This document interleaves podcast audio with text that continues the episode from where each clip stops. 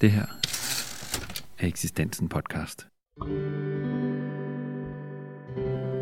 Kristendom ifølge er en serie udgivelser fra eksistensen, hvor en række kulturpersonligheder giver deres bud på, hvordan troen og kristendommen har formet deres tilværelse. En efterårslørdag i november samledes fem af bidragyderne på Vartov for at fortælle om deres bidrag til serien. Digteren Søren Ulrik Thomsen forsvarer i sit bidrag Tro mod ritualet den traditionelle lutherske højmesse. Her kan du få en smagsprøve på, hvordan det forsvar tager sig ud. Ja, min bog, som øh, hedder Tro mod ritualet, den består af tre essays, som alle sammen har været trykt før, men her er de så samlet. Øh, og det første essay, det hedder Fornuft og Mysterium. Øh, og der prøver jeg at gøre rede for forholdet mellem på den ene side af kristendommen, og så på den anden side kunsten og videnskaben og det politiske. Øh, og det spørgsmål, som jeg stiller mig selv, det er, er det muligt at være øh, kirkeligt konservativ og samtidig tilhænger af oplysningen, tilhænger af fremskridtet, tilhænger af, at, at verden hele tiden skal blive bedre for så mange mennesker som muligt. Øh, og mit svar vil, der, vil, vil være ja. Øh, og jeg opfatter ikke mig selv som kulturkristen, hvis man forestiller sig kulturkristendommen som en slags kompromis mellem kristendommen og moderniteten. Men derimod som en kristen, der samtidig identificerer sig med moderniteten. Så jeg vil forsvare kirken mod modernisering, og som sekularist vil jeg forsvare det moderne samfund imod at blive underlagt kirken. Øh, og det er egentlig den, det samme holdning, jeg har til at, øh, at øh, være digter, fordi der siger jeg, at jeg er kristen og jeg er digter, men jeg er ikke en kristen digter. Og grunden til, at jeg formulerer det sådan, det er fordi, at øh, jeg er overbevist om, at, at de erkendelser, som er på, der er en grund til, at der er noget, der hedder teologi, og noget, der hedder poesi. At de erkendelser, der er på det ene niveau, de kan ikke udtrykkes på det andet niveau. Og derfor skiller jeg det ad. Og det gør jeg, fordi jeg har en opfattelse af, at vi altid lever på to etager, og det har man altid gjort. Hvis vi tænker på, at på den ene etage, der lever vi på en måde, som man aldrig nogensinde har gjort før. Altså i 2020, hele det, bare de seneste 20 år, der er verden ændret fuldkommen i forhold til for 20 år siden, på grund af hele informationssamfundet der lever vi på, med nogle problemer og nogle ting, vi hele tiden skal, skal tage stilling til, og det må vi tage stilling til ved hjælp af videnskaben, ved hjælp af fornuften. Øh, men samtidig så lever vi på en anden etage, hvor vi lever på nogle vilkår, som man altid har levet på. Vi skal, vi skal forelskes, vi skal forlades, vi skal dø, øh, og det er det område, som jeg anser for at være kristendommens område, øh, kirkens område. Øh, og på den ene etage, øh, der må vi drive politik, og politik handler om det, der kan ændres, mens religionen handler om de vilkår, som vi ikke kan ændre, og som vi altid har levet på, og som vi ikke kan slippe udenom, men som vi alligevel må forholde os til. Så fornuften begriber verden, mens religionen forholder sig til det ubegribelige. Øh, så jeg mener, at vi, for mig er der ingen konflikt mellem de to områder, fordi jeg mener, at de to områder hele tiden forholder sig til øh, vidt forskellige områder af tilværelsen. Så der er ikke nogen, for mig er der ikke nogen øh, konflikt imellem at forholde mig rationelt, fornuftigt, videnskabeligt, politisk progressivt til verden, og så, øh, og så forsvare kirken som et, et sted, hvor, man i, hvor der er opsparet 2.000 års viden og erkendelse øh, om nogle helt andre ting. Så vi bør hele tiden udvide erkendelsens grænser uden hensyn til religiøse dogmer, øh, for hver etage er suveræn og kan ikke tolke den andens niveau. Øh, men ligegyldigt, hvor meget øh, vi forstår via fornuften, så vil det altid være en rest, øh, som fornuften ikke kan begribe men som ikke desto mindre har et navn, og det navn, det vil jeg kalde mysterier. Øh, der er noget, som man ikke forstår, hvad er. Døden forstår man ikke, hvad er. Og for mig at se, så er troen, det handler ikke om, det er ikke noget, man forholder sig til, til det, vi ikke ved, hvad er. For det, vi ikke ved, hvad er, det kan vi muligvis senere få at vide. Altså, da, da jeg gik i skole i, i 60'erne, der lærte vi meget sådan snusfornuftigt, at i gamle dage, hvor folk ikke vidste så meget, så var de nødt til at tro på en hel masse. Men i dag, hvor vi så ved så meget mere, så øh, er der ikke så meget at tro på tilbage.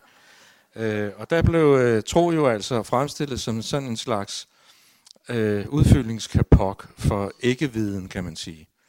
Ikke? Så viden forholder sig, der, altså vi, vi lærte, at der var et økonomisk forhold, kan man sige, mellem viden og tro. Jo mere er det ene, jo mindre er det andet.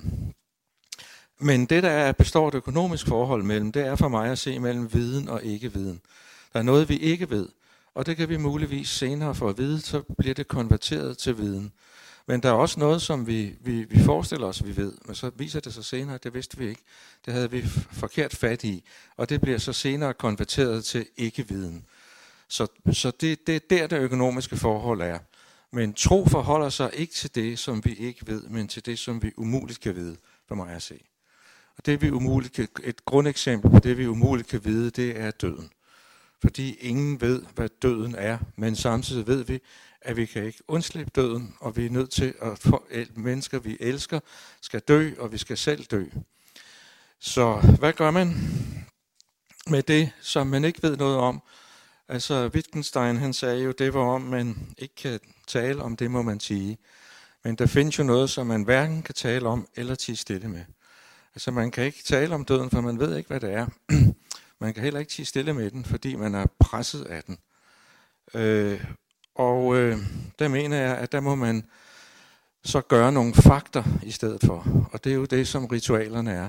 Og ritualerne virker meget bevægende på mig, fordi de er de er et sted, hvor sproget øh, hører op, men hvor betydningen, altså sproget hører op, men lige før de rammer, rammer det sprogløse, så sker der et eller andet, at præsten løfter hænderne under herrens velsignelse for eksempel, eller øh, løfter alterkalken øh, under nadvaren, øh, hvor, hvor man kan sige, at det er ikke sprog mere, men det er betydning.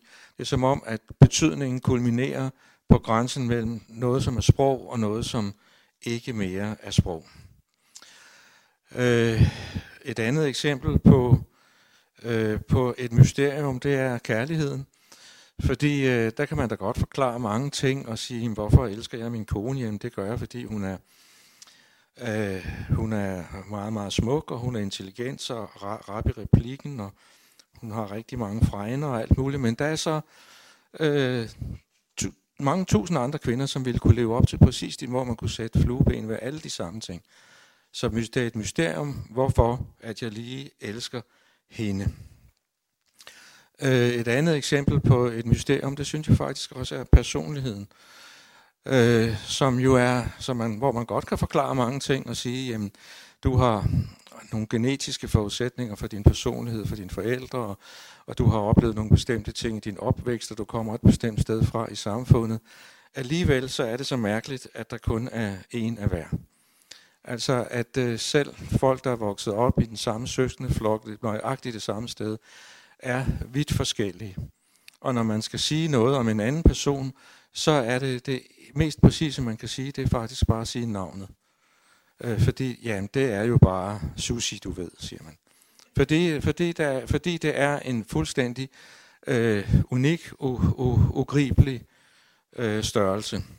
Så det er øh, ting, som er mysterier, og som man ikke kan forstå ved hjælp af, af, af fornuften, men det betyder jo ikke, at vi ikke skal forholde os til dem.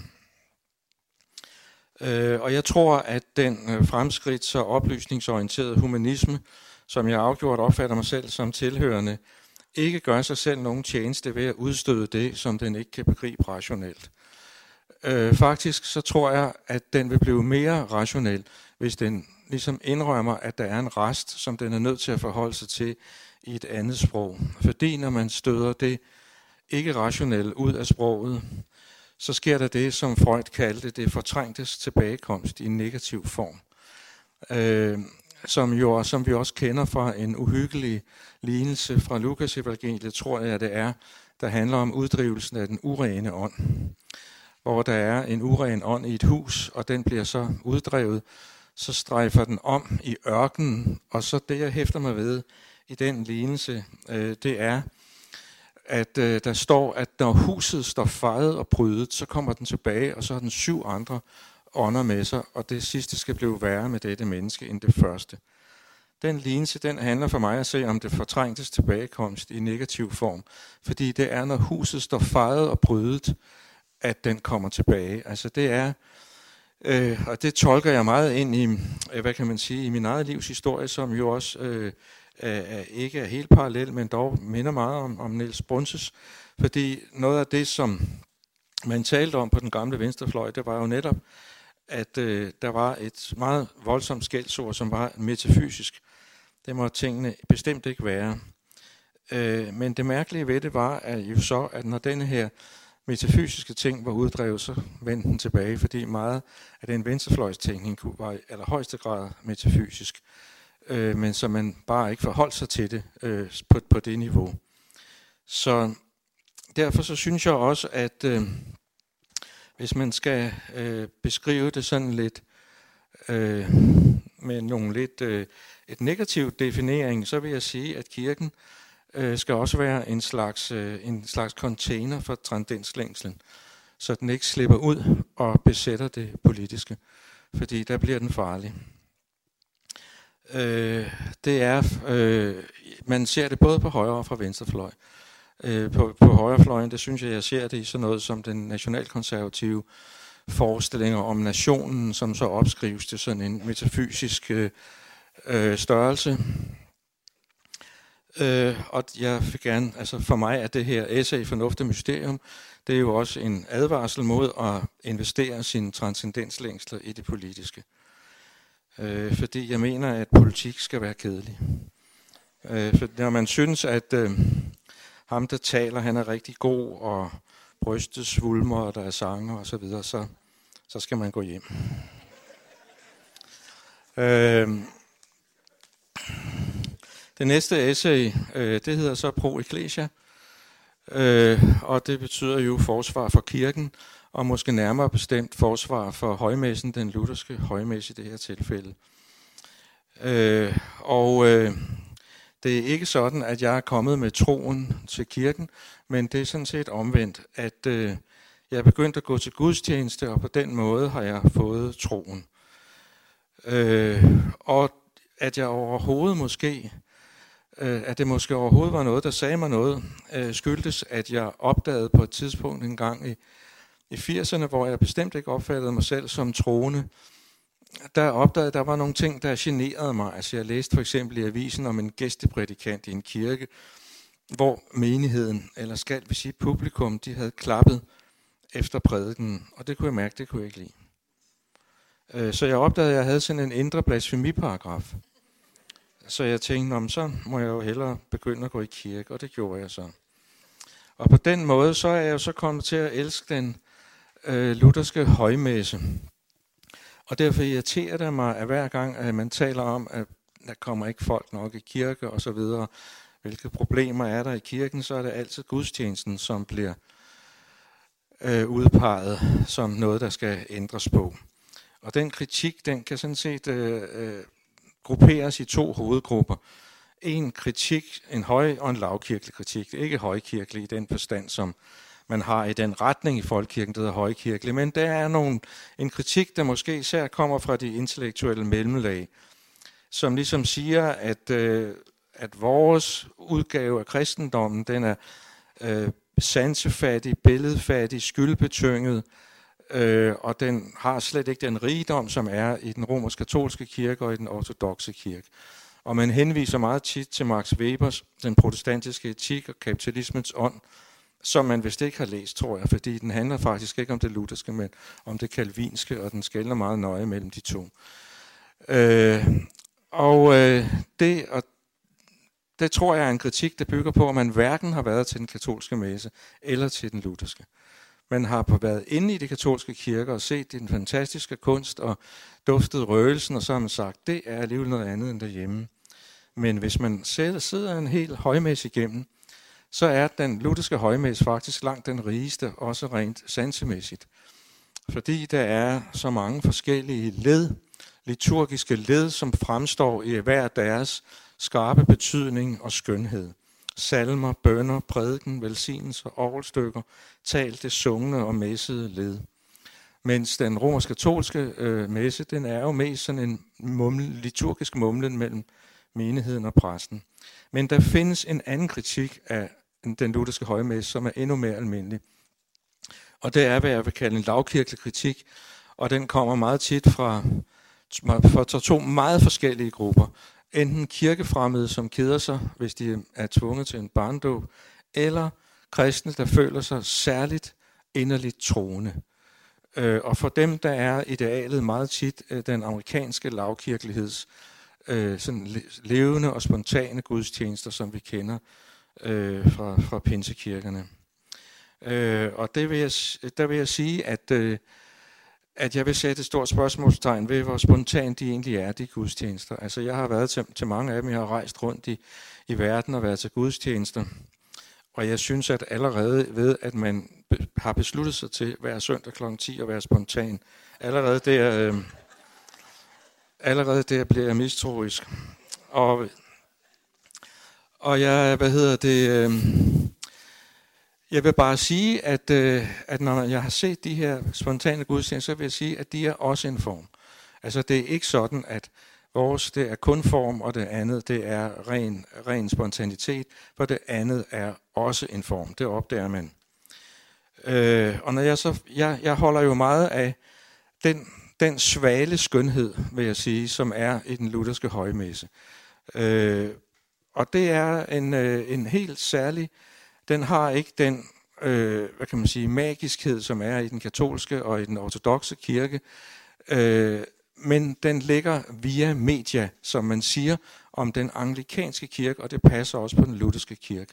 Er på den, altså midt i kristenheden, når man kigger på gudstjenesteformerne.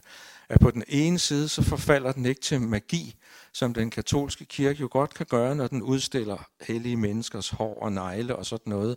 Men på den anden side, i kraft af sakramenterne, så bliver den, fastholder den, at den er en kult. Sakramenterne, dåben og nadveren, hvor øh, det er Gud, der er subjekt, som man siger, og hvor der sker en mystisk handling. Øh, det er den kultiske handling, det er nadveren og det er dåben. Og hvis, hvis de ting, de ikke er der, hvis sakramenterne ikke er der, så holder det for mig at se op med at være kirke.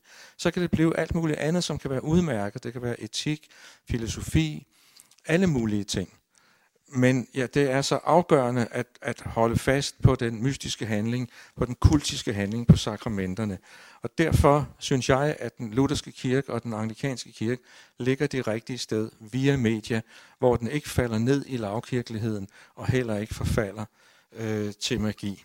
Og i det der er der jo en ting, som er meget vigtig, og det er Luthers øh, forestilling om realpræsensen, altså at Kristus virkelig er til stede øh, i elementerne. At det er en, en afgørende ting. Øh, så jeg kommer altså først og fremmest for nadveren, for Kyrie og Gloria, for Herrens velsignelse. Og hvis prædiken er god, så er det fint, og hvis ikke den er god, så er det også fint, fordi det er ikke det vigtige for mig, fordi prædiken er også et musikalsk element.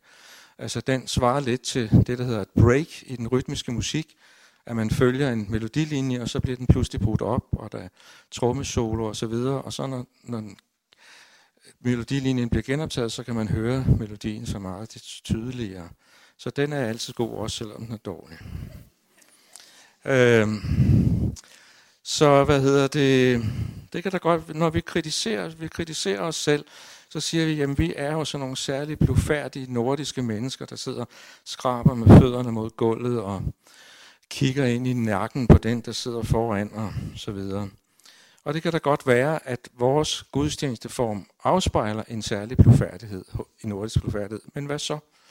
Så er det vores bidrag der til, til den store rigdom af forskellige kirker, og det, jeg synes, at det er meget vigtigt, at, at vi passer på den, og at vi ikke tager, øh, hele tiden tager den her øh, selvkritik, altså at vi forkaster noget, som i virkeligheden er meget, meget smukt, og som det har taget lang tid at bygge op, og som kan blive smidt ud på, på meget, meget kort tid, hvis, man ikke, øh, hvis vi ikke passer på.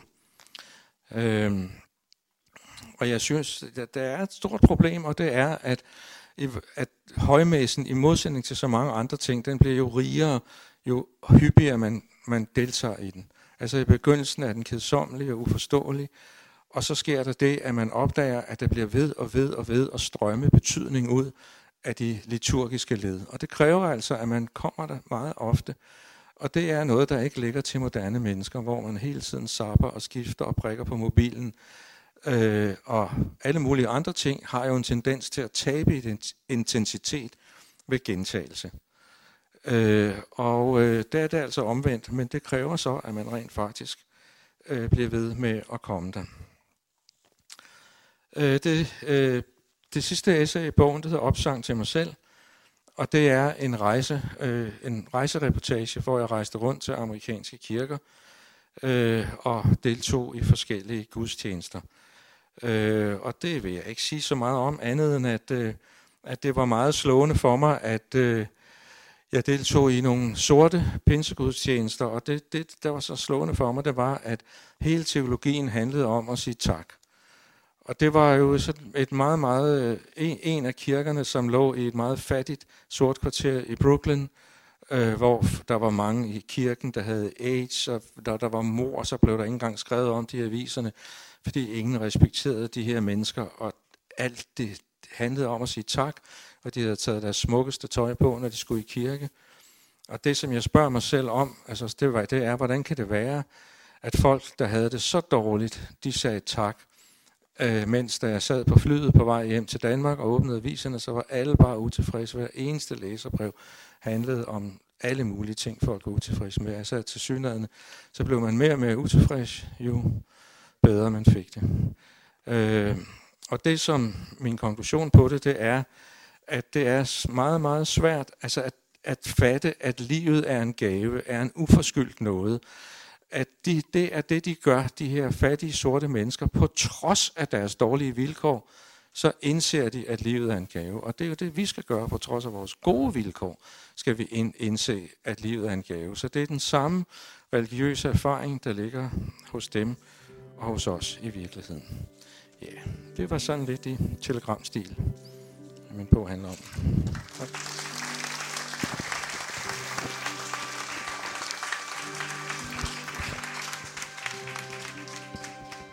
Kristendommen i følgeserien har bidrag fra blandt andet Niels Brunse, Anne-Katrine Ribnitski, Ole Hartling, Bjarne Lindau Henriksen, Søren Ulrik Thomsen og Lars Mul med flere titler på vej. Alle titlerne kan købes på eksistensen.dk eller spørg efter serien i din lokale boghandler. Tak fordi du lyttede med.